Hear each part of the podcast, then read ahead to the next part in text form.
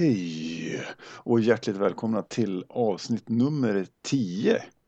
Hurra! Hurra! Hurra! Hurra för oss! Vi har lyckats göra snart 10 poddavsnitt, Björn. Vad trevligt. Ja, snart 10. Ja, i och för sig snart 10. När vi är klara med det här. Ja, Då har vi gjort 10.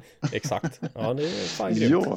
Ja, eh, det är alltså avsnitt 10 av podden D-takt, tärningar och livet. En podd om musik och spel och lite andra saker som vi tycker är roligt. Och den pratas i av mig, Niklas, och av Mig, Björn.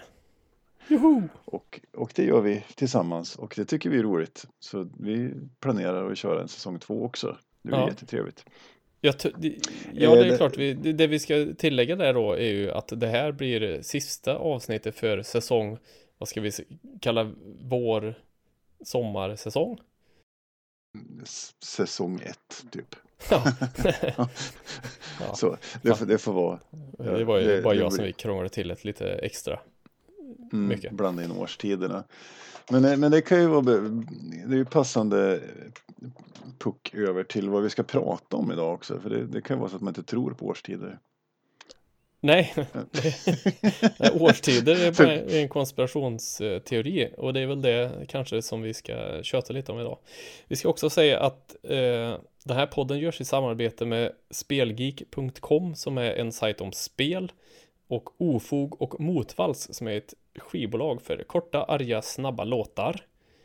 Oh yeah! Yes, och vill man lyssna på oss om man nu inte redan gör det uh, Meta Så finns vi på acast.com Castbox.fm Podbean och iTunes Då kan man söka på D-takt och tärning där typ så Lär vi komma fram Och om man vill och vi vill att ni vill Ja, det vill vi. komma i kontakt med oss så gör ni det via våran Facebook-sida. Vi finns även på Instagram. Vi finns på Twitters. Och om du är gammaldags och vill mejla till oss så finns vi på detakt.spelgeek.com. Nu kör vi!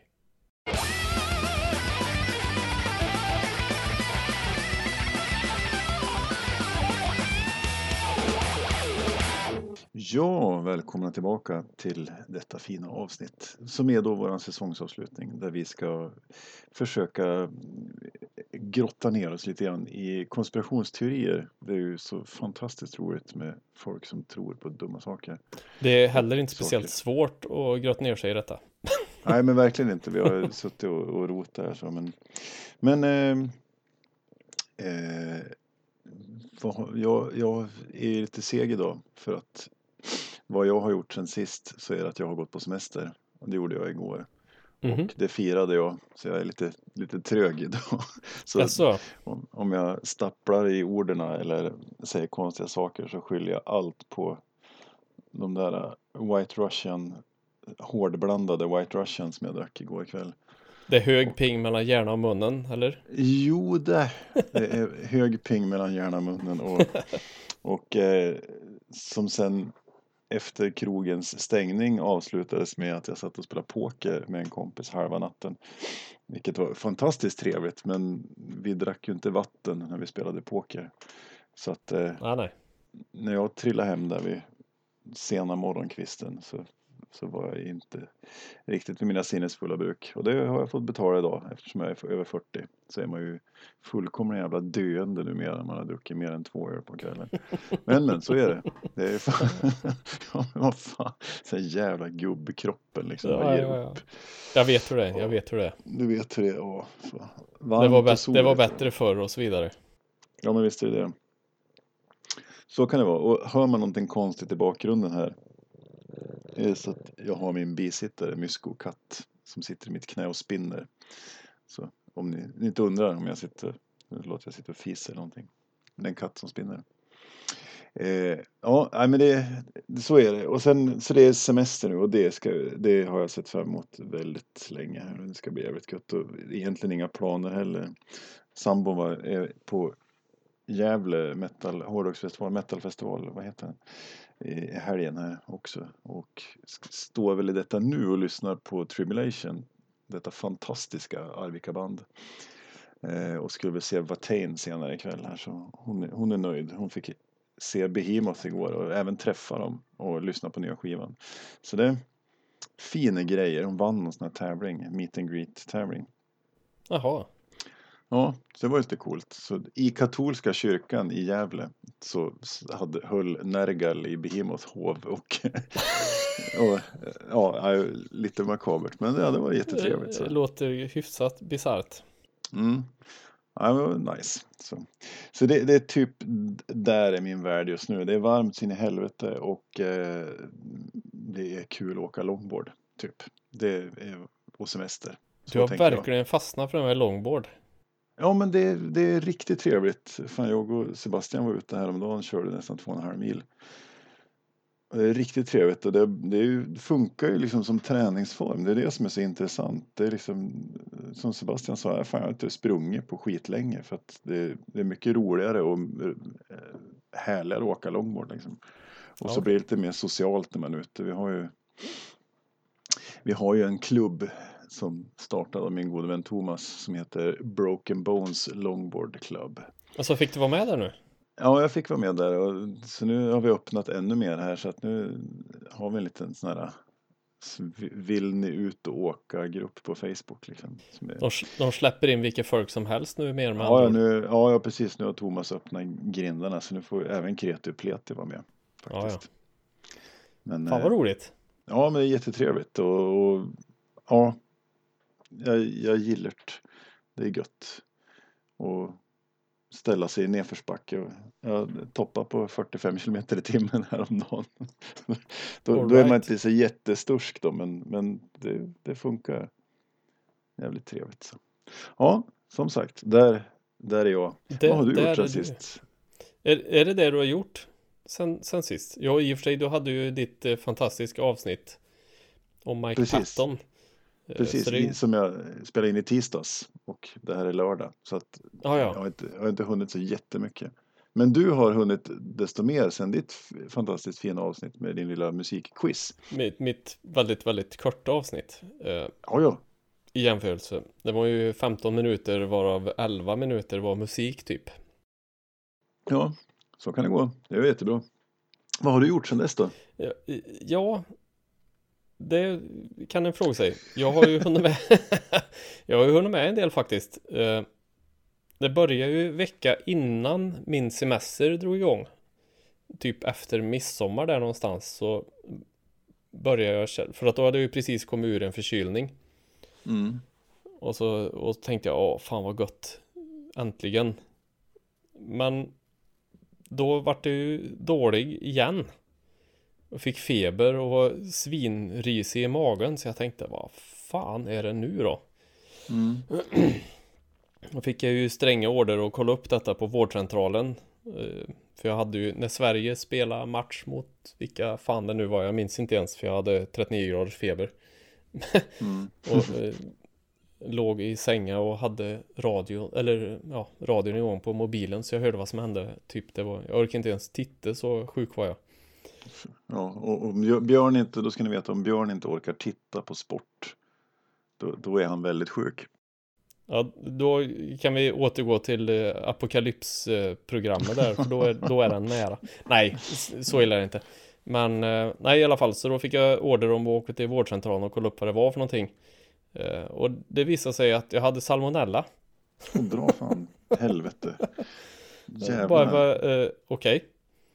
En, en fick, bajspokalyps alltså? En bajspokalyps, jag fick, eh, fick lämna lite avföringsprov där, vilket var spännande. Jag hade aldrig gjort förut, så att det var ju... gick jag, fick jag lite XP. Ja, du fick lite XP. Ja. Är det ja. något du rekommenderar till våra eh, lyssnare att göra? Salmonella eller bajsa på en midsommartallrik? Båda delarna. Uh, inget av det rekommenderar faktiskt. Det var riktigt jävla sopigt. Jag satt ju en vecka på toaletten i princip innan semestern började. Åh oh, fy fan vad hemskt. Oh. Ja, ja, det var riktigt tråkigt. Uh, men i alla fall. Sen precis när den var färdig. Då vart det ju semester. Då for vi till Kroatien.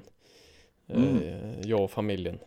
Och det var ja fruktansvärt trevligt. Vilket, vilket gött land. Jag har inte varit där förut. Fan vad nice. Jag har inte heller varit här. Vart i Kroatien var det? Eh, vi var på en ö som heter Brač som ligger typ 50 minuters båttur eh, söder om Split. Mm, okej. Där, eh, ja. Eh, och, och det var svintrevligt. Det var en sån här all inclusive eh, hotell bodde vi på. Eller det var hotellanläggning typ. Så det var 3000 personer som bodde där. Det var, fanns bungalows, hotell, lägenhetshotell. Jävlar. eh, Ja, hur mycket som helst. Nära, nära till strand då såklart. Eh, Ja, det var riktigt gött. Och eh, när vi väl var där så tänkte jag, fan, det här påminner mig om någonting. Och det gjorde det. Och vart helt supersugen på att spela Dead Island. Om du har spelat det någon gång. Eller du känner till det. Det påminner Det- precis om Banoi som är den här ön i Dead Island som man spelar på. Ett Ja, open det- world det- zombiespel. Ja, precis. För det, Dead Island, visst är idén är att det är en, en semesterö som har, där det har blivit zombie outbreak. Man vaknar typ i ett hotellrum i en skrubb eller någonting. Yes. Så håller man, håller man på och craftar en massa vapen och grejer. Ja, så det vart jag ju svinsugen på att spela när jag kom hem. Så det har jag suttit och kört, kört lite. Och det är roligt som fan faktiskt. Jag, jag satt ju och pressade på det där. Det var ju här, ett av de här spelen som man bara satt och tryckte på play på Steam så här vid 12-slagen någonstans när det skulle släppas. Donk, donk, Mm. donk, donk. Ja, jag har kört, kört det nu lite faktiskt. Det är, det är riktigt roligt. Men Kroatien var Okej. fantastiskt. Det var Mm. svinbra. Eh, Gött. Sen har vi spelat, min, min fru och min dotter och jag har spelat eh, Lasse-Maja Brott i Valleby. Okej. Men något brädspel som inte... Det är ganska, ganska... Första gångerna vi spelade så tyckte jag bara, nej. Äh. Men nu när vi har spelat så är det ganska kul tills på slutet för det är så här man kan flytta varandras pjäser med olika kort och så ska man gå med fyra av sina egna pjäser in i en speciell byggnad tillsammans med Lasse, Maja eller polismästaren eller så här. Men så kan man gå med varandras pjäser. Det är ganska kul fram tills på slutet där man bara går ut på att flytta de andras pjäser helt plötsligt för att jag förlorar alltid. Så då vill jag bara gå iväg med alla andras gubbor så här. Så då tycker jag det blir lite segt men ja. Så det är alltså det är ett dåligt spel för att du förlorar? Eller? Nej nej. Nej, jag skojar. Det Eh, är ett dåligt spel. Nej det är inte ett dåligt spel. Men mm, viss mekanik är kanske inte helt superbra. Så kanske jag kan säga. Du menar att de skulle ha utvecklat Endgame lite mer?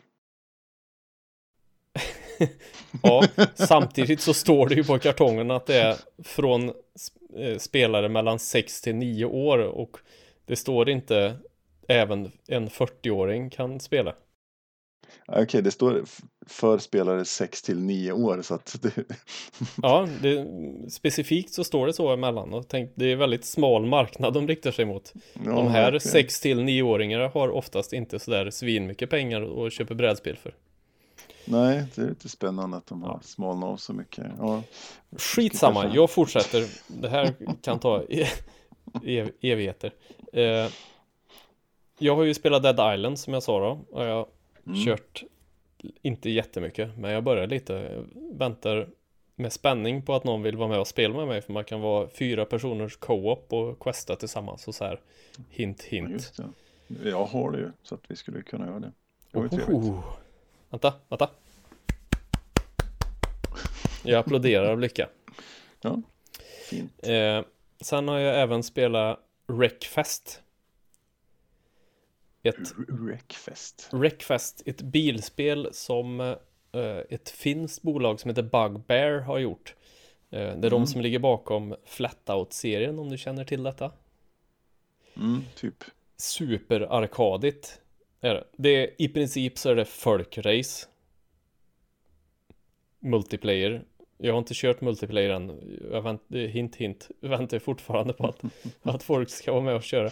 Det är svinroligt. Det är verkligen så här. Det är så jävla arkadigt så det finns inte. Det börjar som en tech-demo där de hade eh, visat liksom eh, hur bilar gick i sönder. Man krockar med varandra och så här. Så att det är verkligen Nej. när du kör så kan du köra och bilen ser ut som en liten tärning med fyra hjul på för då är krocka så jävla mycket. Lite sådär, det är jätteroligt faktiskt. Ja, fan, ett, Eh. ett, ett folkrace dataspel. Det ska vi kanske lura med Emil att spela då. Han som Ja, faktiskt jag kör tänkte- folkrace på riktigt. Jag tänkte precis det. Eh, Det är verkligen Ja, det är ett spel för honom. Det jag tänkte faktiskt på det när jag satt och spelade. Det här är ju Emil upp i dagen. Vi tar det nästa gång vi har rephelg med Death Trap så Mm. blir det en, en, en turnering i det där bilspelet också. Ja, fan vad roligt. Det tycker jag. Mm. Eh, sen har jag ju eh, fått och läst reglerna till Paranoia Red Clearance Edition, vilket jag ju gjorde en liten unboxing på. Som Mm. jag inte är supernöjd med själva unboxingen, för det var dålig vinkel, kast ljus och jag unboxade inte allt. Men, ah, Ah, lite roligt ändå. Mm. Jag vill ändå göra en unboxing liksom. ja, Men den har jag ja, läst. Jag har läst Jag har- har reglerna till det där i alla fall och det, förlåt, vad sa du? Jag har, jag har också ett spel som jag ska sitta, som jag tänkte jag skulle unboxa här också. Mm. Så det kommer Ja, en det. till video. Ja, just det. Eh, jag har läst igenom regler i alla fall och eh, det verkar ju, det är ju som gjort för mig det här spelet. De, Okej. skriver, ju, de skriver ju verkligen så här skit i vad vi skriver.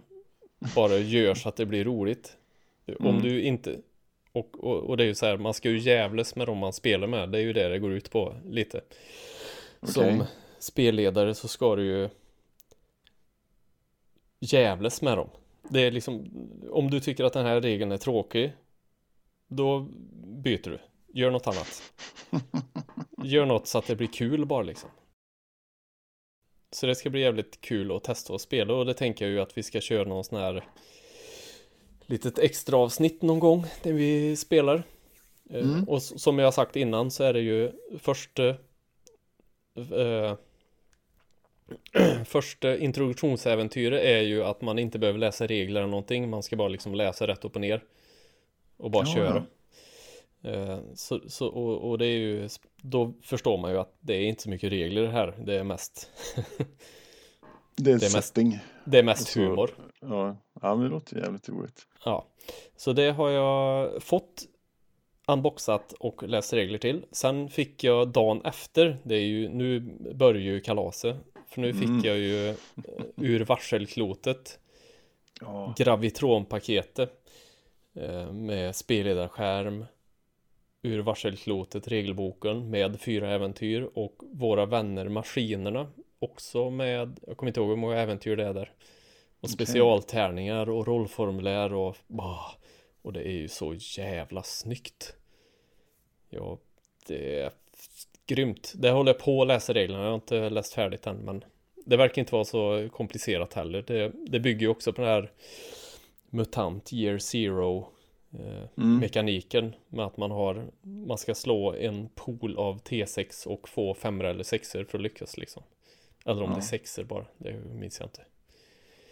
Eh, men som sagt, det är ju verkligen så här Stranger Things, E.T., Goonies känsla på det där. Så det kan bli riktigt eh, gött. Mm, det, det kan väl säga, nämnas i det att just nu så är det väl det är rea på Fria Ligans webbutik. Fram till och med imorgon ja. Ja, ja. Så när ni hör det här avsnittet så är rean över. Så att säga. Förmodligen. Men så ja kan det vara. precis. Men vi rekommenderar ändå ur varselklotet. Bra grejer.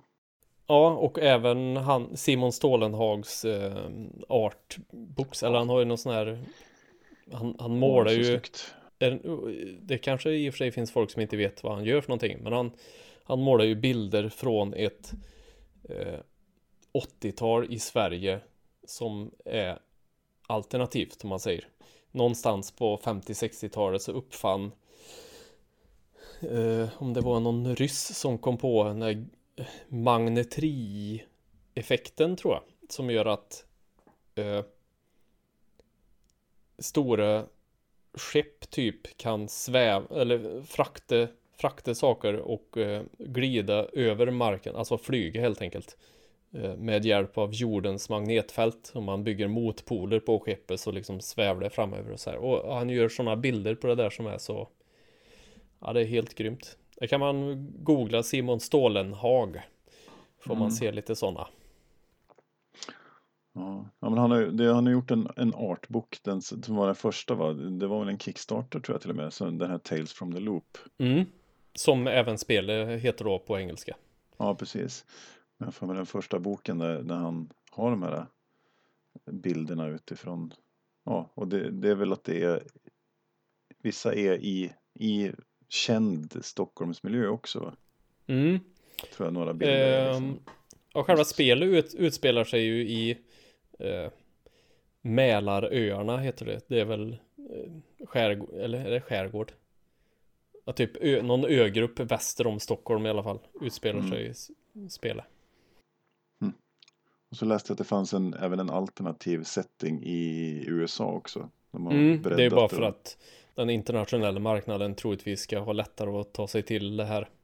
Mm, Eh, Så när man läser regelboken så, så finns det ju eh, Mälaröarna i Sverige och så finns det även en sån eh, loop som de kallar det då, i Boulder, Nevada. Som Mm. ligger en timme söder om Las Vegas om jag inte minns helt fel. Nu läste jag det här för inte så länge sedan så Mm. jag tro, tror att det är så. Men det är ju som sagt bara för att det ska vara lättare att sätta sig in i settingen. Det är ju inte Det är ju inte alla som har växt upp i Sverige på 80-talet. nej, nej. så. Konstigt nog. Eh, Så det har jag gjort och sen har jag då börjat lyssna på Fredag den 13 nya album Dystopisk utsikt och än så Mm. länge så är det ju gött i pösen säger jag. Jävla, jävla bra. Ja, de har ju verkligen, jag har inte hunnit gjort så många genomlyssningar än men det är ju verkligen Fredag den 13 känns det som. Kanske lite mer Fredag den 13 än Fredag den 13. Mm. Ja, gillert. Mm. Gillert jämt görmö. Och när vi spelar in den här podden så är det ju lördag den 14 Så att Jag har vi ett nytt bandnamn Ja, Förlåt och med det sagt kanske vi ska gå vidare i podden. Ja det gör vi Skål och hej. Skål, hej.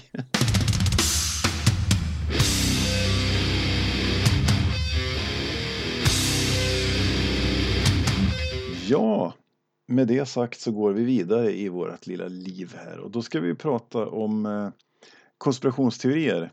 Ja Och det är ju det är en fantastisk värld att ge sig in i. Eh, alltså när man, när man googlar crazy conspiracy theories liksom, då får man upp allt möjligt och det är så helt bisarrt vad, vad det finns liksom. Men en konspirationsteori egentligen det är ju alltså att man att man helt enkelt har fått för sig och att det är något som är på gång. Man har en, en teori om att det, mm, det pågår en konspiration. Det är ju, idag är det lite, tyvärr lite vanligt eftersom vi har ett politiskt parti i Sverige som bygger hela sin politik på konspirationsteorier. Så att det, är ju, det är inte bara roligt liksom, har jag insett när jag tänker efter. Vi har ett, ett, ett, ett, liksom, ett parti som en femtedel av Sveriges befolkning skulle kunna tänka sig rösta på som faktiskt bara baserar sig på konspirationsteorier utan fakta. Så det är, det är ju så här med, med lite med skrattet i halsen man, man pratar konspirationsteorier. Ja fast just Eh. i, i, i vårat fall så tror jag det blir mer med skrattet i munnen faktiskt för att jag har Jag har då inte tagit fram någonting här som är så här hemskt som vi säger Eller? Nej. Ja, det kan, det kan Eller det komma kan ju inte någon du svara på i och för sig men Nej, nej, jag vet inte. Jag får inte se dina anteckningar innan vi spelar in. Så. får du fan inte hemligt Nej. Hemligt, hemligt. Ja. ja, men det finns lite olika sätt att se på konspirationsteorier. Det finns en, en, eh, en, en teori av en man som heter Jesse Walker eh, som, som har listat fem olika sorters konspirationsteorier. Han pratar om, den första är the enemy outside. Det vill säga att det, en, en, man blir angripen utifrån, alltså våran community eller våran stad eller våran folkgrupp eller vad man ska säga. mm. Blir angripen av ett externt hot. Alltså. Så det är, en, det är ett sätt, en, en sorts konspirationsteori. Den andra, nummer två, är eh, the enemy within. Det vill säga att det är tvärtom att, att vi har en community eller en nation eller ett lag eller vad det nu är. Men det finns någon i det här som är en dubbelgångare liksom som jobbar för Dubbelagent, att splittra. helt enkelt. En dubbelagent, precis. Ja. Eh, nummer tre då, det är alltså the enemy above.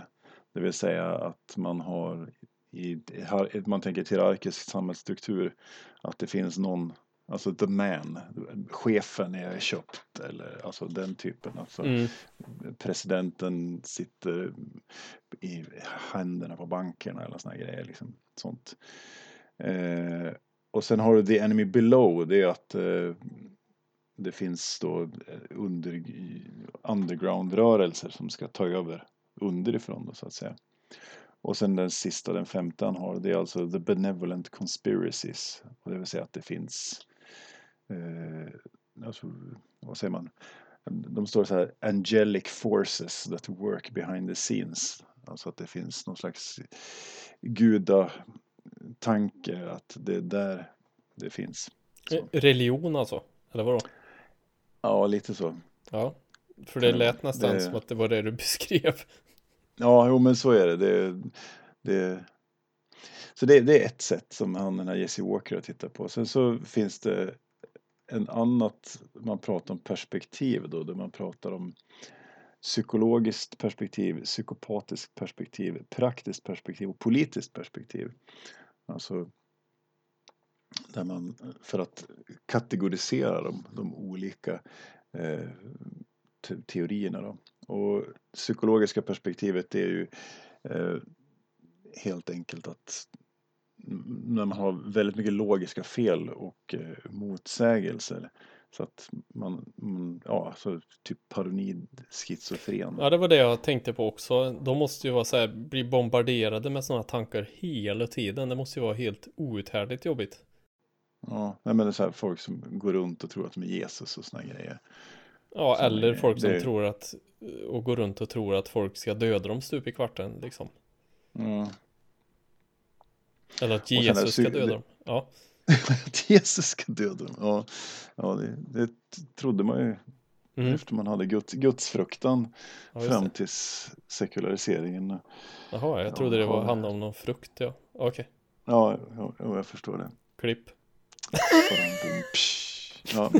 Eh, psykopatiska perspektivet är ju att, eh, att det finns, det, det är lite det här the enemy of above-tänket att de som sitter då i, i, i långt upp i hierarkiska strukturer som samhällen och företag att de, de har psykopatiska drag och att de då konspirerar ihop med varann för att liksom fista oss vanliga människor liksom så att säga.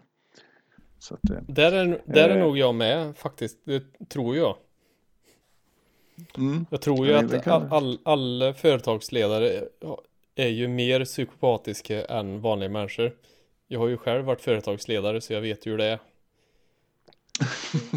Typ. precis.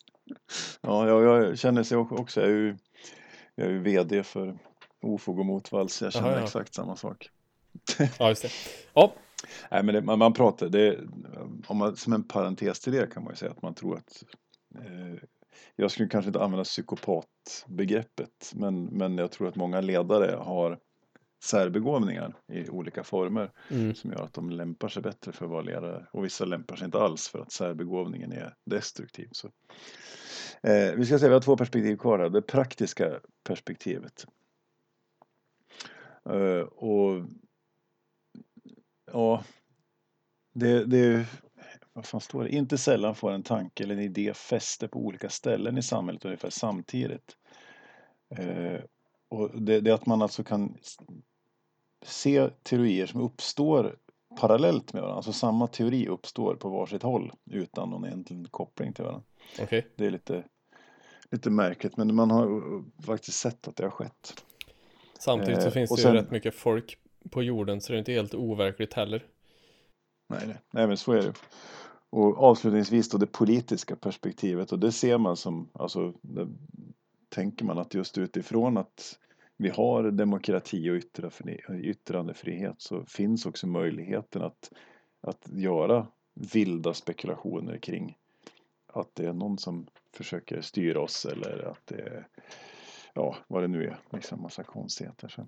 Mm. Så där har vi lite grann vad man, hur man skulle kunna se på konspirationsteorier. Sen finns det ju som sagt hur mycket som helst. Det är ju galet vilka, vilka, vilka grejer som finns. Vi ska ju köra en liten topp tre på slutet där, men vi tänkte vi ska ta och prata om några i allmänhet liksom. Ja, precis. Och då kan vi också passa på att eh, inflika att det vi kommer att säga här nu är ju sånt som vi har läst på internet. Det, lika gärna som att det faktiskt är en konspirationsteori så kan det ju vara någon galning som har bara suttit och gjort en hemsida och skrev ner det här som en konspirationsteori fast det är bara en person som tycker det driter vi bara är roligt eller Mm. intressant. Eller intressant, ja. Ja. ja men jag vet, det är så, som vi sa tidigare, och det är man har, det, det förekommer mycket konspirationsteorier hos så kallade Sverigevänner eh, och de som röstar på det där politiska partiet. Och även andra politiska partier i samma ute på högerkanten så att säga. Och det är ju det är lite spännande men också lite skrämmande att man inte tar reda på fakta. För ofta är det ju så att en del konspirationsteorier går ju att slå hål på ganska snabbt med hjälp av fakta. Men har personen i fråga grottat in sig för mycket i, teori, i konspirationsteorin, då är det ju svårt att bryta också. Det finns ju ett väldigt bra ord för detta som heter att personen i fråga är faktaresistent. Mm. Eh, och då är det ju, de är ju inte så roligt att diskutera med, helt enkelt. Sen ska man väl även flika in att det finns säkert personer som har mycket konspirationsteorier, konspirationsteorier åt båda håll, inte bara åt höger utan säkert åt vänster också. Så att Mm. Det är Absolut. ju och eh, norrut och söderut. Upp och ner kanske blir. Annars hade vi sagt öster och väster. Ja. Eh, Så det finns nog lite överallt. Men det är ju på, Absolut. på vissa ställen som det blir mer skrämmande än andra. ja. Så. Men en, en eh, rolig vet jag inte, men, men en ganska frekvent återkommande det är ju att, att en person egentligen inte är död utan att personen lever. Ja, men har eh, liksom fejkat sin egen död för att kunna leva i, i avskildhet. Liksom. Ett, Så- vanligt liv. Ja, precis. Så här, Elvis är väl det vanligaste. Ja, Det finns även teorier om att Hitler skulle ha varit vid liv och att han blev utsmugglad i bunkern och har liksom levt sitt liv på en, någon ö någonstans. vi, liksom, vi kommer återkomma till, till just Hitler kan jag säga. Men eh, Ja, senare i programmet. Men sen har du ju även eh, Tupac. Det är ju också en sån där. Han lever ju, sägs det. ja. Det är ju inte det våran eh, genre som vi rör oss i normalt sett. Det är ju inte Hitler heller i och för sig. Men nej. Nej. inte ens som Hitler hade rappat hade det varit eh, i våran genre. nej. Fan och stackarn. nej men det finns ju, i, om man ska säga i samma, inte, ja, genre så är det ju också, man läser på internet att den här, åh, rest in peace, bla bla bla. Så står det en kändis och så står det, det är ju mycket så här att internet tycker att nu har, har den här personen dött och så har de inte alls det. Mm. Men det var inte sån i våras, var det inte Samuel L. Jackson? Jo men det är Som- inte bara han, det, det händer ganska ofta tror jag. Att, att någon börjar, någon börjar skriva liksom Rest in Peace Justin Bieber. Det hade ju i och Mm. för sig inte gjort något men i alla fall eh, Och sen så hoppar någon här på det för att på internet så är det här med källkritik Internet är ju verkligen faktaresistent Ja, sociala medier. Ja och liksom. så hoppar ju folk på det där och så bara Åh, jag sa ju han dö, bla bla bla Och så visar det sig att nej Det var han inte Nej. Typ är, ja, det är spännande. Jag, jag har tittat mycket på, alltså, eftersom jag är lite politiskt intresserad och så, så har jag tittat en del på de politiska eh, konspirationsteorierna och de är ju, de är ju spännande och men också svåra att, att bemöta ofta. För att de är så väldigt in, inrutade och inkörda så att säga politik överhuvudtaget är ju svårt tycker jag då. Så att eh, mm. om man då ska dra polit politiska konspirationsteorier så blir det ju ännu krångligare. Eh, men så är det. Jag, då förstår jag att du har kört in dig lite på Magic Bullet Theory och sådana här mm. Ja men precis. Det, ja. man, man hamnar ju lätt där och det så eftersom ja, det blir en konspirationsteori det är ju verkligen allt från liksom chemtrails till, till att det, det, jag läste nu när jag gjorde research inför det här att det finns till exempel en, en och det visste inte jag, att det finns en konspirationsteori om, om Estonia. Att det skulle vara, den skulle vara sänkt av rysk, ryska båtar. Att de hade, ryssarna hade skjutit ner Estonia. Mm, det har jag nog hört om någon gång för länge sedan. Men det har jag inte kommit i kontakt med just nu i alla fall. Men kör. Ja, ja Ja, men det, var, det finns många olika alltså, konstiga grejer. Att de till exempel, någon, någon som hävdar att det bågvisiret som slets loss, att de, de öppnade det för att de skulle dumpa smuggelgods och, och eh, att eh, en rysk, hem, en hemlig, troligen rysk organisation sänkte Estonia för att hindra hemlig last från att nå USA via Sverige.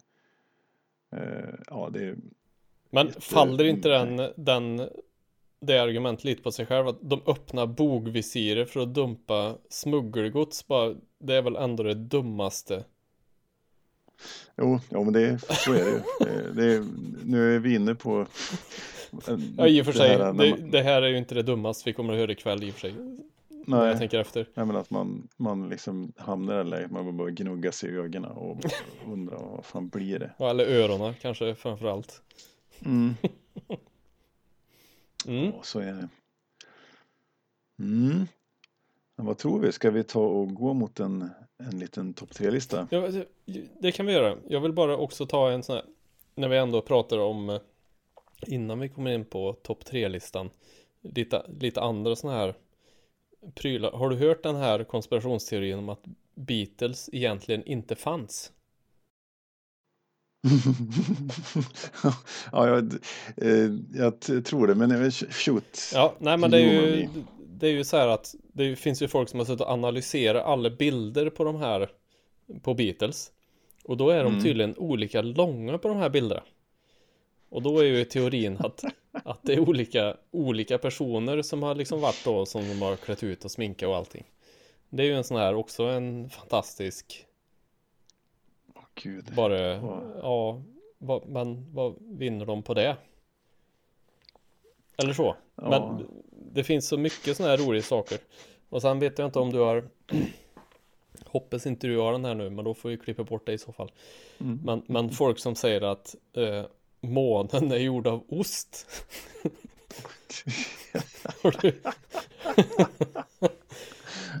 Nej, den tror inte jag på. Tror inte på den? Nej. Sen Nej, finns det ju även den här det var någon, jag, när jag researchade lite så var det någon som sa liksom bara Nej, jag tror inte på det här att de har landat på månen, det, det är inte sant.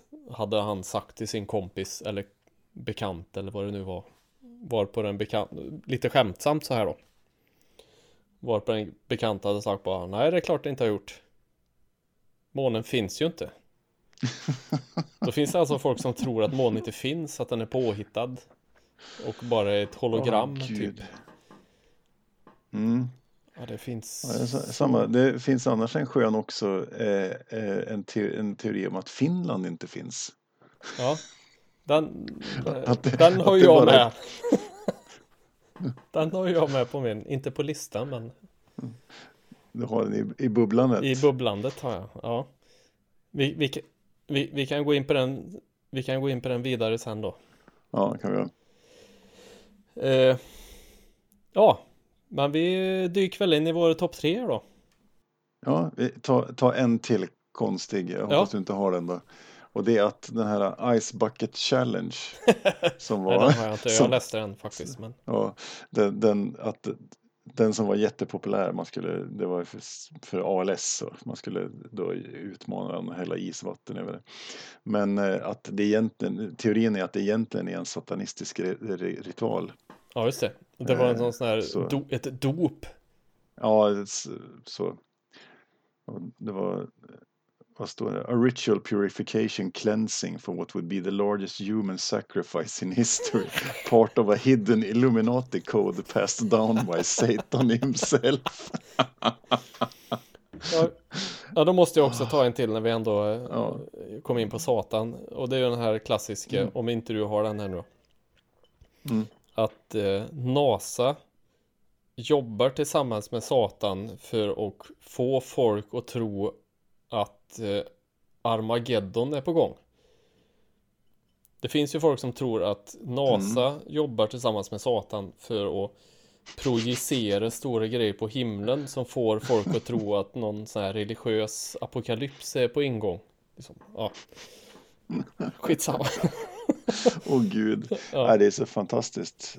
Vad gött. Man kan skylla allt på Satan. Fan vad trevligt. Men det passar ju nu när jag tänker efter så är det ju Jesus från Nasaret.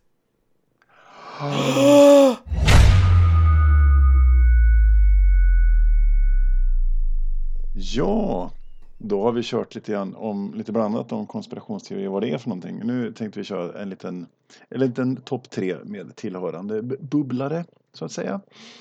Eh, och som ni hör så har katten gått igång här bredvid mig. Om ni hör det.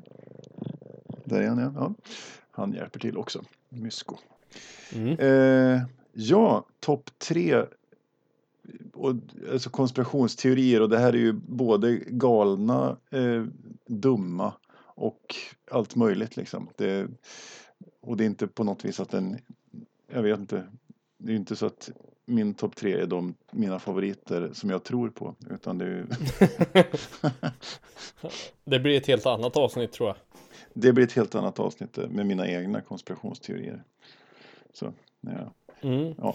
Ja, det är Eh, samma det för mig då kan jag säga. Att det är inte sånt jag tror på men, men sånt som jag ty- ändå tyckte var väldigt intressant slash roligt. Mm. Gött, men eh, då tycker jag att du kan få börja med din trea. Kan jag få börja med min trea? Okej. Ja. Eh, det här är ju då en brittisk historiker som heter Hubert Humdinger. Redan där är det ju roligt. Eh, som då påstår att Queen Elizabeth är kannibal. Och hon härstammar då från en lång rad kannibaler. Och det, det här är då anledningen till att hon är så gammal. Det är att, att hon äter människokött liksom. Jag vet inte hur gammal är hon? Hon måste ju vara en 200 92 år. tror jag. 92? Ja, jag att hon är det. Eh, Ja. Men då hör ni där ni, ni som undrar hur ni blir gamla bara. Hopp. Kannibal. Rätt. Och så jävlar. på, på den här Det är så roligt för när jag, när jag såg den här artikeln inom citationstecken så var det ju en bild på henne när hon ler väldigt så här så jävla sinister in i kameran som var bara så här bara japp, jag tror på det här. Fy fan vad bra. Ja, det är roligt. Ja, men det är min Spännande, eh, kannibaldrottningen döpte jag min nummer tre till. Det är Ja, eh, Brexit på riktigt. ja spännande. Ja, min tre, jag var tvungen att ta en, en klassiker för den är så fantastisk och det är faktiskt den, den fejkade månlandningen. Jag tycker det är så, det är så, det är så otroligt eh, intressant att man kan, och det här är en sån som har pågått så länge och som man har ägnat så mycket tid åt att försöka bevisa. Det finns ju väldigt mycket i det här ja, som, som jag tog inte den faktiskt för det jag misstänkte att, att du kanske skulle ha med här. Kör på, förlåt. Ja, men det är ju att amerikanerna kände sig stressade för att de höll på att, att förlora racet till månen mot ryssarna på 60-talet.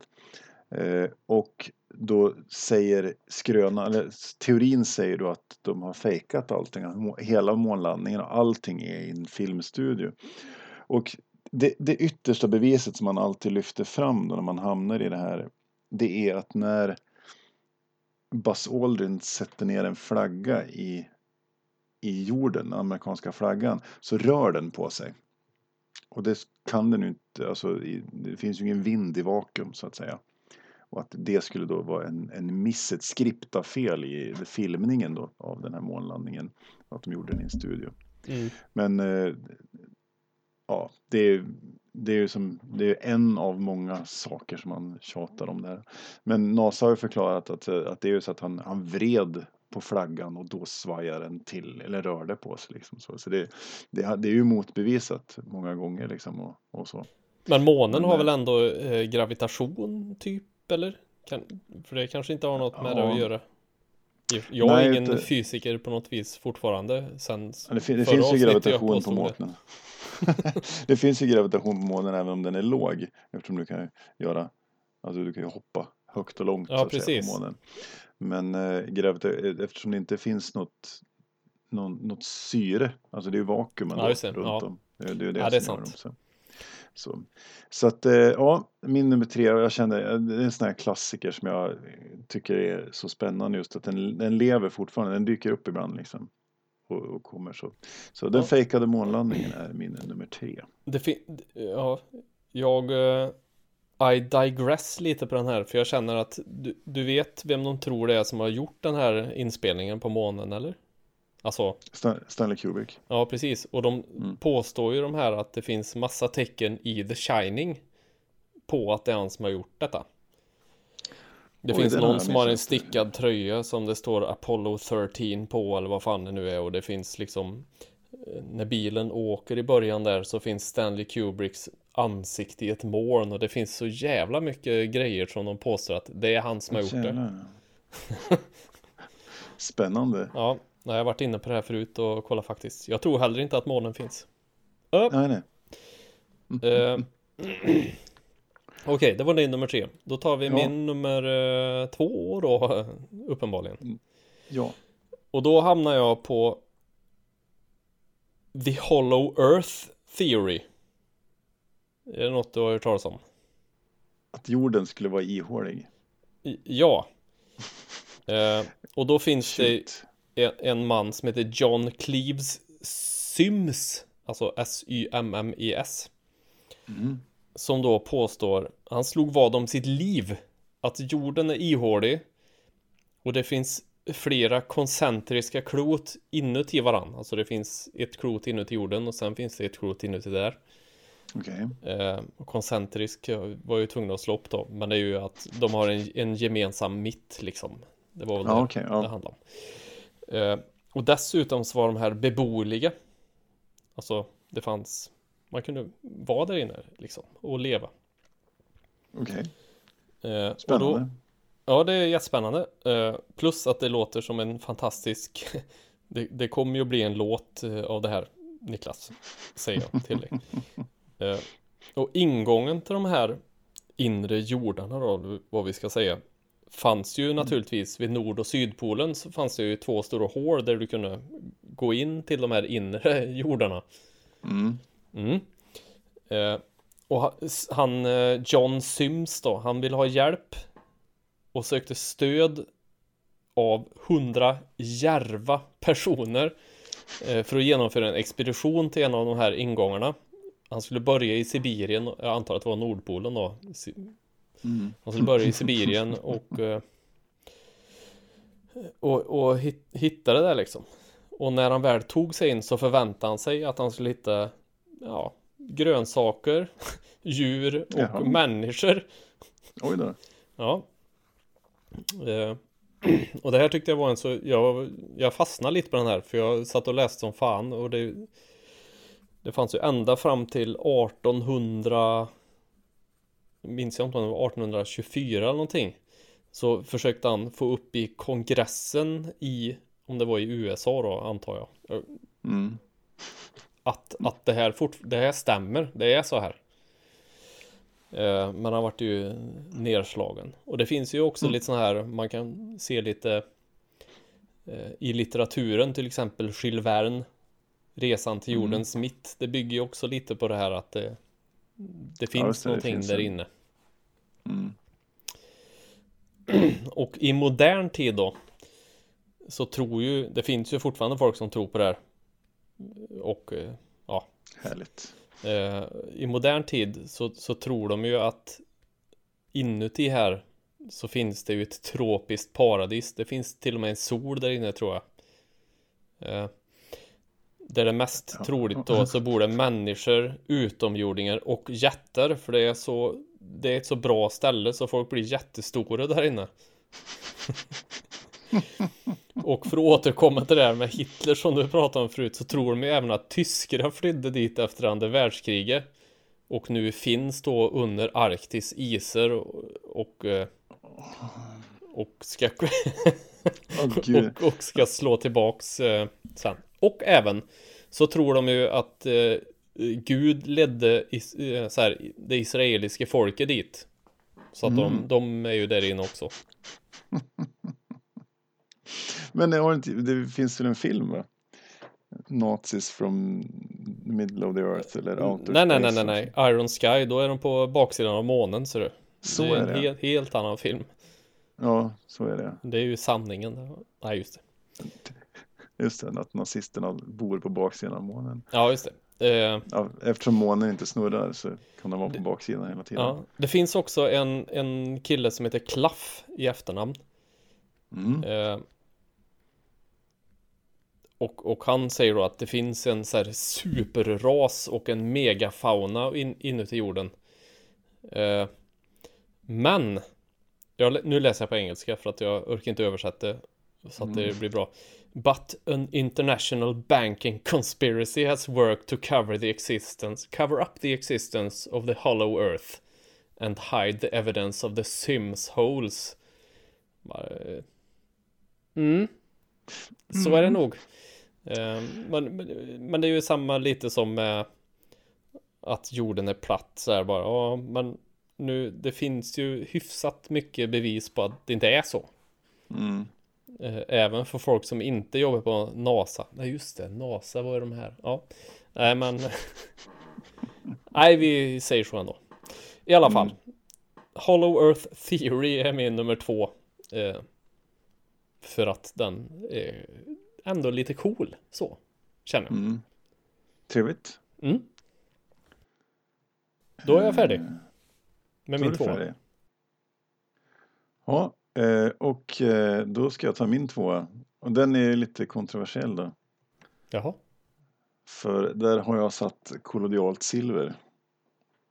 Eller egentligen homeopa homeopati i allmänhet. Homeopati. Okej. Ja. Ja. i, liksom i stor, men kollodialt silver får ju på något vis symbolisera den här det blir ju en konspirationsteori, en, en, liksom en sån grej att man tror att ja, kollodialt silver är destillerat vatten som man har silverpartiklar i och det här ska då enligt utsago och Facebookgrupper med 20 000 um, folk i liksom bota alla typer av sjukdomar och du, du blir friskare och du mår bättre och så vidare och så vidare. Och det finns inget vetenskapligt stöd för det här. Som det inte finns för annan homeopatimedicin heller. Eller vanligt vatten. Typ. Ja, Alltså, Nej, nu, nu, Ja. nu menar jag inte så. Ja, skitsamma. så, så att eh, och det, det är intressant för det här är ju sånt som man har eh, stöter på ganska till vardags. Så, så jag är väl egentligen inte emot att folk får tro på vad de vill men det blir ju en, det blir också ett, ett problem när, eh, när, när folk luras och betalar dyra pengar för verkningslösa mediciner Absolut. och sådär. Och framförallt där de hamnar i ett läge att de inte ska ta, alltså här kan jag räkna in alltså det här med att vaccin orsakar autism och sådana saker också. Eller att vaccin är farligt och så vidare. Mm. Eh, och sådana saker. Sen ska det sägas att både HPV-vaccinet och svininfluensavaccinet har haft biverkningar som, som inte har varit bra med narkolepsi och så vidare. Och det är ju för att man inte hann testa ut de här. Så man har inte testat dem så mycket. Men eh, man, då ska man ju inte ge sig på poliovaccinet som kanske är eller mässlingen eller något sånt där som kanske är de vacciner som har bidragit mest till att ha friska barn i världen. Liksom, sådär. Nej, precis. Så- så det blir lite, lite konstigt att, att likställa dem också. Så. Men, Men, men generellt då så. Men det, kollodialt silver får klä skott för det här då, för det är ju ja, det blir, betalar dyra pengar för vatten med lite silverjoner i och så det, det bästa du kan få ut av det förmodligen är att du blir, får grå hy har, har de sett i bieffekterna. Vissa får så här silverfärgad hud liksom. Och det går inte bort heller. Det är hysteriskt roligt att se de som har kört det här. Och så. Ja, okej. Okay. Sådär. Så. Ja, det blir liksom kort... mitt, mitt enda Game of Thrones minne som jag har när han får dricka smält guld, han där. Mm. Lite samma eller? Exakt samma. Det sitter också kvar. Precis, förutom att han har inget vatten i guldet. Det, nej, nej, det kanske nej. Är, det är tvärtom. Ah, det var det de gjorde fel. Han, han, han, har flytande guld med några vattenpartiklar i. här är det tvärtom, här är det vatten med silverpartiklar i. Ah, okay. ja, ja, men bra, fick vi in lite popkultur. ja, precis, det måste vi ha. nice. Ja, men det var min tvåa. Den är lite politisk, den är lite het också för du kan ju hamna i diskussioner om sånt här med folk som hävdar det här in absurdum att man ska dricka små vätskor och dricka, ta piller och, och sånt där som inte finns något vet, vetenskapligt stöd för.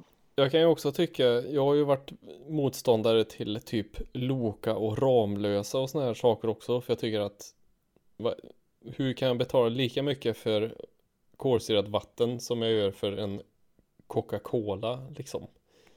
Mm. Det är fortfarande vatten. Ni har inte gjort någonting när jag satt till kolsyra. Hur kan det vara kosta lika mycket? Men så köper jag ju det också. För att jag tycker mm. att ja men det är ju ändå bättre än att köpa en dricka. Typ då. Ja, så är det. Men nu har jag faktiskt börjat tänkt, tänkt att jag ska börja göra egen jag har ju ändå en Soda-streamer så jag kan ändå göra det från kranvatten och det är fan lika bra som något annat. Jag har ju lider ju dessutom av att jag inte har någon luktsinne. Mm, så, så all Ramlösa och Loka med ärtfjärt och havsörnsmak smakar ju vatten för mig oavsett. Precis. Ja. Eller en gammal, ett klassisk Berlinstripp nya Fast då kanske det är blandsafter, de här nya smakerna. Den nya smaken kuk och lax. Fan vad gott. oh. Ja, vi får starta ett företag som gör det. Ja, det får vi fan ja. göra. Urkramad cykelbyxa och havsörnsmak. Ja, men lite så. Fy fan vad bra. Precis plockhandske och mimosasallad. mm. Ah. Mm. Ja. Mm. Ja, det var min tvåa det. Där fick jag vara lite politisk också och ge ett stäb till homeopati och Ja, men härligt. Jag vet i alla fall att om Fetto lyssnar så kommer han att tycka att det var en bra punkt. Mm. Fint det. Ja, då tar jag min etta då. Gjort. Och den här kommer jag, det är en liten, liten text som jag kommer att läsa på engelska för att som sagt, jag orkar inte översätta det, så det blir lika roligt på engelska, jag lovar. Mm. Shoot it. Uh, in 2010, a series of shark attacks occurred at the Red Sea resort town Sharm el Sheikh. In an interview with Egyptian news site Aram Online, eller Ahram, jag vet inte. Låter det vara osagt. South Sinai Governor Mohammed Abdel Fadil Shusha speculated that the Mossad was using GPS to mind control the sharks in order to use them as bioweapons to decrease tourism in the region. det här tycker jag... Oh, fy fan, så radiostyrda hajar, det är så jävla roligt. oh, jag så... hoppas att det är sant vi ska se, det är, vi är alltså Förenade Arabemiraten? Sharm el Sheikh. Eh, och judarna kontrollerar hajar med GPSer för att minska turismen. ja. Det tyckte ja, det, jag var det helt... helt eh, det är helt bisarrt. Det är fantastiskt. Nu vet ju inte jag som sagt, det här kan ju bara vara någon som har hittat på det här, men jag tycker fortfarande i så fall att det är ett väldigt roligt påhitt. Mm. Sharm el Sheikh ligger i Egypten, inte Förenade Arabemiraten. Ja, just det. Red Sea Resort Town stod det bara mm. på den jag läste. Så. Precis. Ja. I Egypten, ja. Ja, jäklar. Ja, den är spännande. Så, Mm. ja. Jag tänker, jag, kan, jag, jag tänker mig att det finns så mycket enklare sätt att göra det här på än att radiostyra hajar för att attackera människor. Om, om, om man vill minska turismen i Sharm el Sheikh, tänker du, så Ja. skulle man kunna göra det på andra sätt än Ja. att träna haj och GPS-styra. Är, är det sagt vad det är för sorts hajar? ja. Nej, Om det var någon... nej det, någon- det, det stod ingenting. Men det, jag, så långt redan. Men nu kommer jag att tänka på en annan grej. Men vi kan ta den efter din, din In, etta här. the bubbler. Ja. Ja. Fast den här är faktiskt inte, jag tror inte att det här är en konspirationsteori utan det här är nog en sanning. Men den är så rolig så jag vill ta den sen. Kör du. Mm. Radiostyrda hajar var min etta. Mm. Radiostyrda hajar var din etta. Ja, då ska jag ta min etta här och den har inte jag riktigt fattat vad den går ut på men jag fastnade ju när jag läste det här och jag, Mhm. jag ja, min nummer ett är det som kallas för Time Cube. Det, här, då- det, här, det här har jag också läst om. Ja. Ja, han är helt, den är helt fantastisk. Det handlar alltså om en, en man som, eh, ska jag bara hitta vart jag hade skrivit det här. En man som heter Dr. Otis Eugene Ray. Han kallas även för Gene Ray. Och han har då en, en sajt som han, han publicerade för han ansåg sig vara världens intelligentaste man. Redan där är jag intrigued. Ja, det, det är så fantastiskt att han, han hade liksom, han var, han var, han, stod, han var så intelligent så han stod över Gud till och med, var planen. Och eh, han, han hade en hemsida som är helt oläsbar för det är en, en enda sida med text i olika eh, typsnitt och färger och allt möjligt. Det är helt galet. Eh, men huvudteorin här då är att ett dygn är egentligen fyra dygn. Mhm. Mm, och eftersom ingen annan fattar det här så, så då, då är det en massa saker som sätts ur spel. Han hävdar till och med att han hävdar då till exempel att eftersom man inte accepterade hans teori här då om, om the time cube theory då, då är det så att då, all matematik som vi har idag är, är verkningslös. Den stämmer inte för att man inte accepterar hans teori. Ja, det är så jävla galet.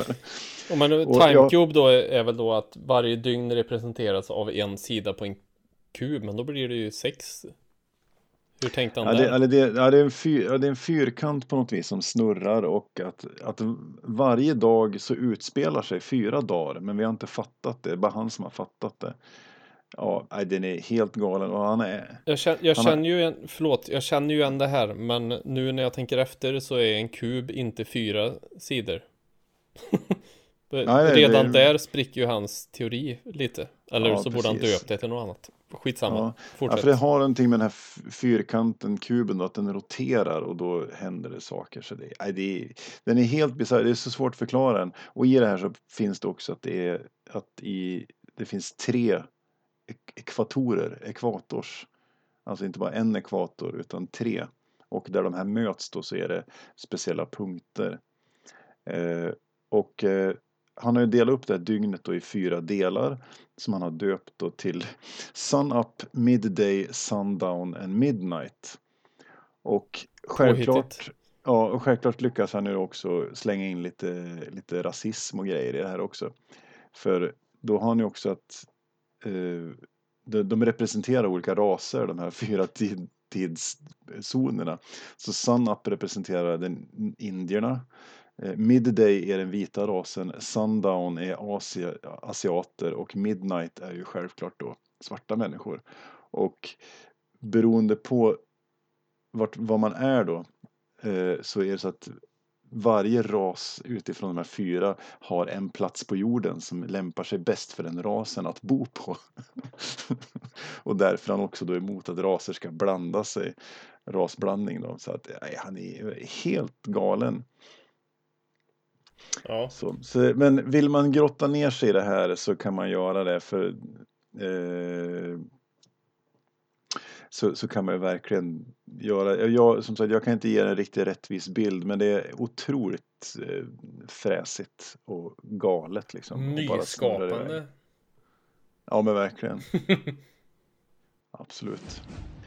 Då kan vi gå vidare till bubblarlistan.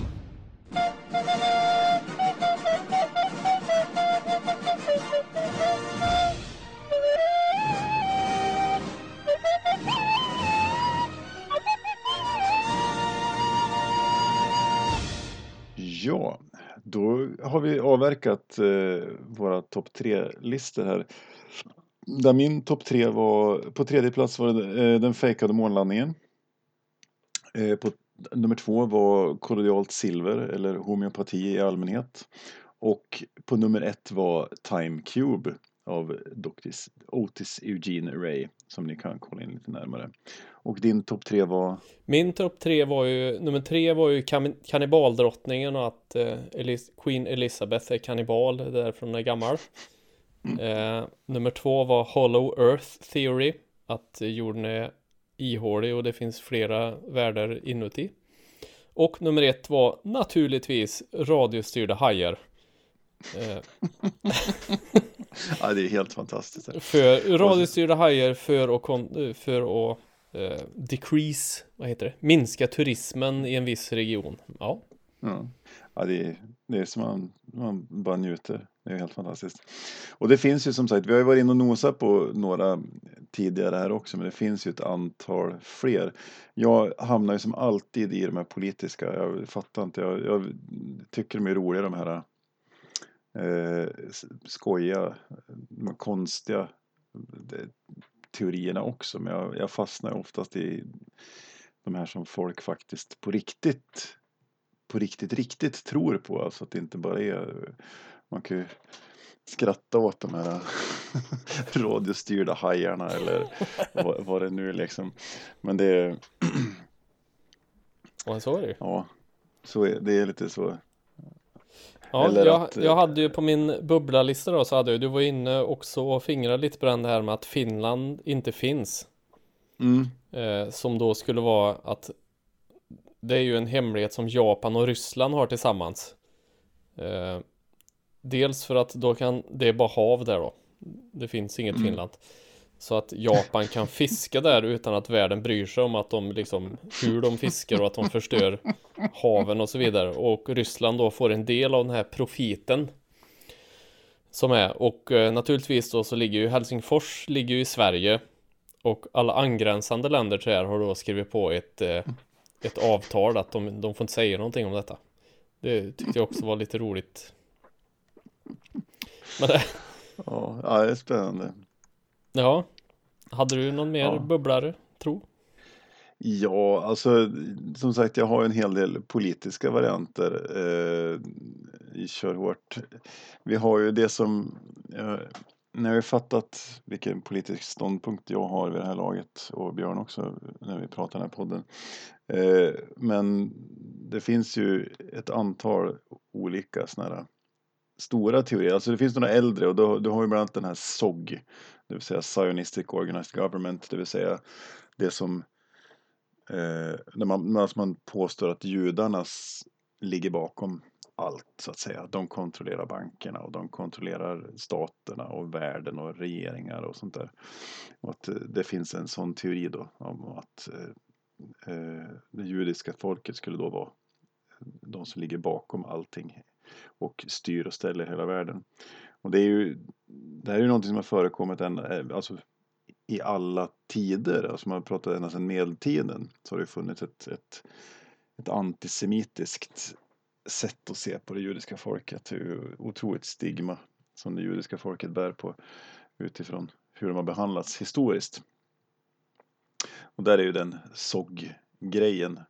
Så, och den krokar väl egentligen i lite grann om man tänker, man tänker New World Order. Men där är det ju att man påstår att det är Illuminati som, som styr världen då. Mm. Och att, att vissa amerikanska eh, presidenter skulle vara då eh, eh, lakejer då för eh, Illuminati. Så det, ja, ja, det väldigt, väldigt spännande. Men det är sådana stora som, som finns kvar och som har funnits väldigt, väldigt, väldigt länge. Mm. Eh, så, så det...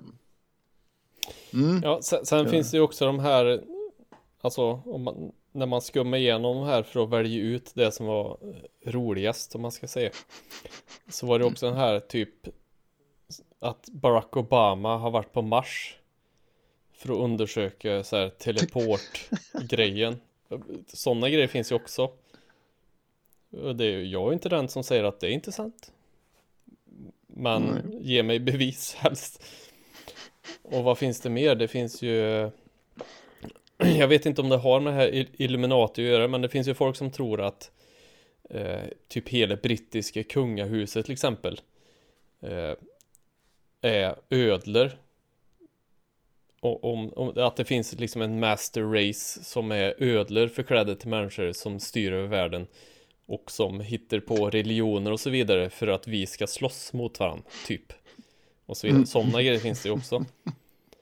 Det finns ju så otroligt mycket gött att grotta ner sig i när man börjar kolla lite på det här. Och så finns det den klassiska då att eh, fotbolls-VM i Sverige aldrig hände. Det, det, var, det fanns inte.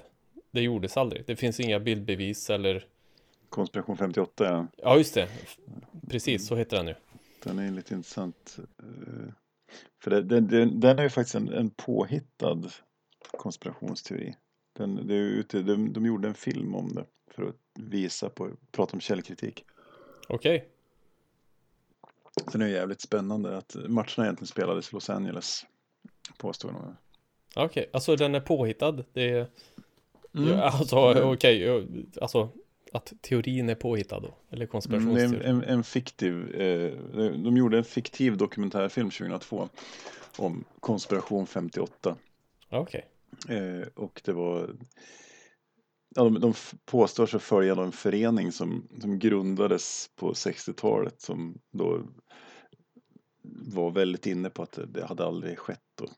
och att det på något vis skulle vara Ja, frågan är vad, vad, vad det skulle vara syftet med Ja. Men det, ja, jag var också så här lite, vem tjänar på det här? För det är ju ofta det man ska liksom, den frågan en ska ställa sig. När en lyssnar på eller läser eller så här, vem är det som tjänar på att jag tror det här? mm, Och, men just i det här fallet så tänker jag eh, Ingen Eller va? nej. Man blir så här, jag har ju också min svärfar Var ju på en av de här matcherna Mm. Jag sa det till han så vart han helt så här "Huh?" Nej, jag sa inte det. Nej, och det, det som är roligt då, de gör alltså en, en, dok, en, en fake, en mock, mockumentär, alltså en mock-up dokumentär om den här konspiration 58. Men resultatet blir ju att faktiskt folk har börjat titta på om det var så. Alltså mm. att, att eh, eh, folk faktiskt börjar säga så fan det kanske är så. Men det är ja, spännande. Ja, jag har ju också en, en rolig en och det är ju att eh, Elon Musk, han som är VD för Tesla, Mm. att han egentligen är en utomjording och det är därför han håller på och grejer, han, han vill åka hem. Han behöver ha hjälp att bygga ett rymdskepp. så, så det är därför han håller på med teknikutveckling och har kommit så långt för att han vill åka hem. Han vill inte vara kvar hos oss på jorden. Ja, det Varför inte? Det låter ju Ja. rimligt Ja, det det- var ju, med mitt källkritik tänker jag bara Vem är det som tjänar på det här? Ja, Mm. det är ju Elon. Musk Det låter ju Ja. helt rimligt att han vill hem eh, Ja, nej, det, det är bra. Men som sagt, det finns ju väldigt Väldigt många olika. Men det jag skulle komma till Jag sa förut att jag ville ta som en En bubbla-grej var ju Att eh, CIA På 60-talet under kalla kriget Då var det så här Då vill man ju spionera på allting. De, Mm. då, då var det den här spion-eran om man ska säga. Eh, Det var ju inte lika Nu är det ju Finns det ju inget Nu är det ju bara ja, okej Vi lyssnar på folks mobiler eller vi Ja Nu Mm. är det ju inte svårt 1960 Not so much Då var det ju inte riktigt lika lätt det här Så då körde ju CIA så här att de opererar in mikrofoner i katter.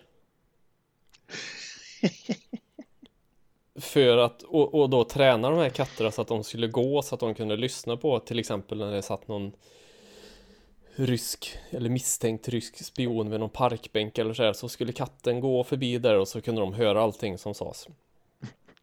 Fan. Det är ju roligt bara i sig, men sen så var det ju då när de skulle utföra det här första uppdraget så blev ju katten som de hade opererat, det var, och det var ju dyrt det här då Mm. också. Eh, Det, var, det är ju inte bara bara liksom. Tekniken som vi har idag fanns ju eh, uppenbarligen inte då. Så den här katten som de tränat som då skulle gå och lyssna på den här, han vart ju överkörd innan han kom fram. Så där försvann ju deras så här 20 miljoners eh, 20 miljoner dollar katt i ett Mm. slag. Eh, vilket jag tycker är väldigt roligt. Och 20 miljoner på ni- 1960-talet var ju ganska mycket pengar. Ganska mycket Ja. mer än 20 miljoner nu om man säger. Ja, visst är det så. Är roligt. Nu vet jag inte om det här är sant eller inte fortfarande ska jag säga men jag tyckte ändå att det var lite roligt. Mm. Inte för katten. Inte för katten. Nej. Absolut inte. Acoustic Så Kitty kan ni googla på om ni vill läsa mer om detta. Acoustic Kitty. Mm. Mhm, Ja, nej, spännande, spännande. så är det. Mm. Ja, det, vi skulle kunna prata om det här i all evighet. Elvis har fejkat sin egen död och fortsatte som kvinna. Men då, det är han som är Cher. All right. Alltså, så han, han fejkar sin egen död och så opererar han om sig. Och då är sångerskan Cher. Fint. Ja. Eller varför inte att eh, hela medeltiden är påhittad. Egentligen lever vi på 1500-talet. Ja, det fanns ju också folk som trodde att dinosaurier hjälpte till att bygga pyramider. Ja, åh gud. Fy fan, Den är rolig. Mm. Eh, Men på tal om Elvis då så kan man, om man inte har sett Baba Hotep som är en helt fantastisk film så borde en se den. Don Mm. Coscarelli har gjort en film där Elvis, den riktiga Elvis inom citationstecken, ligger på ålderdomshem och Mm. har då, han har ersatt sig själv med en kopia tidigare för att han orkar inte med detta längre. Eh, kopian dör i en tragisk grillolycka. Någon husvagn som sprängs när de har barbecue party och så vidare. Och han kan då inte bevisa att bara fan det är jag som är Elvis. Eh, Men det slutar i alla fall med att eh, Elvis och JFK som då är en eh, svart kille som också sitter på det här ålderdomshemmet. Okej. Eh, han är ju övertygad om att han är JFK bara, ja men du är ju svart bara. They died me, säger han ju då. Såklart. Det är ju alldeles uppenbart. De två slåss mot en mumie i alla fall. Ja, det låter ju som en fantastisk det film. är en fantastisk film, en skräckkomedi. Eh, Bruce Campbell i huvudrollen som Elvis, han är helt fantastisk. Han har cancer på snöppa. Och så vidare. Är, ni måste se den, den är svinbra. Baba Hotep. Roligt. Yes! Bubba Hotep, den rekommenderar vi. Fick jag till den också när du pratade om Elvis där. Yes, ska vi Gött. avrunda säsongen? Jag tror vi gör det. Så Ja. vi avrundar säsongen, vi sammanfattar lite grann att vi har lyckats faktiskt till slut, efter mycket snack, lyckades vi till slut börja spela in en podd. Ja, Eh, och det var, ja, det var en podd och inte fyra som det höll på att bli från början. När vi var så här, ja vi måste prata spel, ja vi, det gör vi en podd om. Ja vi måste prata musik, ja men det gör vi en podd om. Ja vi måste prata om livet, ja men det gör vi en podd om. Så det, det var lite roligt att vi har kommit igång och faktiskt lyckats producera tio avsnitt här nu. ja vi hoppas ju Och- också att det är någon annan som tycker det är lite roligt att lyssna på i alla fall. Även om det inte är det så kör vi nästa säsong ändå för att vi tycker att det är roligt. Precis. Och planen är ju då att någonstans augusti, september dyker vi tillbaka med säsong två helt enkelt. Precis, en av oss ska det- fylla, en av oss ska fylla 41 innan vi kör vidare. Oj oj oj, det Mm. var det värsta. Mhm. Och så då ska vi också se till att ha lite egenhändigt gjorda detax-jinglar och så vidare så vi inte behöver använda annan, andra människors musik. Men Precis, men ni får vi, också... vi, har ju, Ja. vi har ju ett STIM-avtal numera som ni kanske har förstått ni som lyssnar när vi får spela musik. Så vi, vi är licensierade av STIM att spela andra människors musik, eller vår egen också för den delen, i den här podden. Så det, det kommer nog bli mer, spela lite mer hela låtar eller halva låtar och sånt där också. Lite, så, så att man inte bara pratar om musik utan man faktiskt kan slänga in hur låter den här låten som någon sitter och pratar om istället för att ni ska sitta och nöleta på Spotify samtidigt som ni lyssnar på podden. Och då kan vi också passa på att säga till om det är någon som sitter och gör musik. Eh, någon som sitter och gör. Ni kan stå också för den delen. Men om ni vill att vi ska spela eran låt här så får ni gärna skriva till oss. För det gör vi nog Ja. mer än gärna. Absolut. Och Det- eh, även om ni har andra tips och förslag på vad vi kan sitta och rambla om. Mm. Bra grejer. Eh, ja, nu är det semester. Det blir härligt. Yes. Och Det det. från allt möjligt. Bra det och ja. Hör av er. På Facebook, Twitter, Instagram. detakt.spelgeek.com Lyssna på oss. Ja. Nu stämplar vi ut för sommaren. Ja, det gör vi. Mm. Ha det gött nu så ses vi nästa säsong. Vi gjort. Outro. Dro.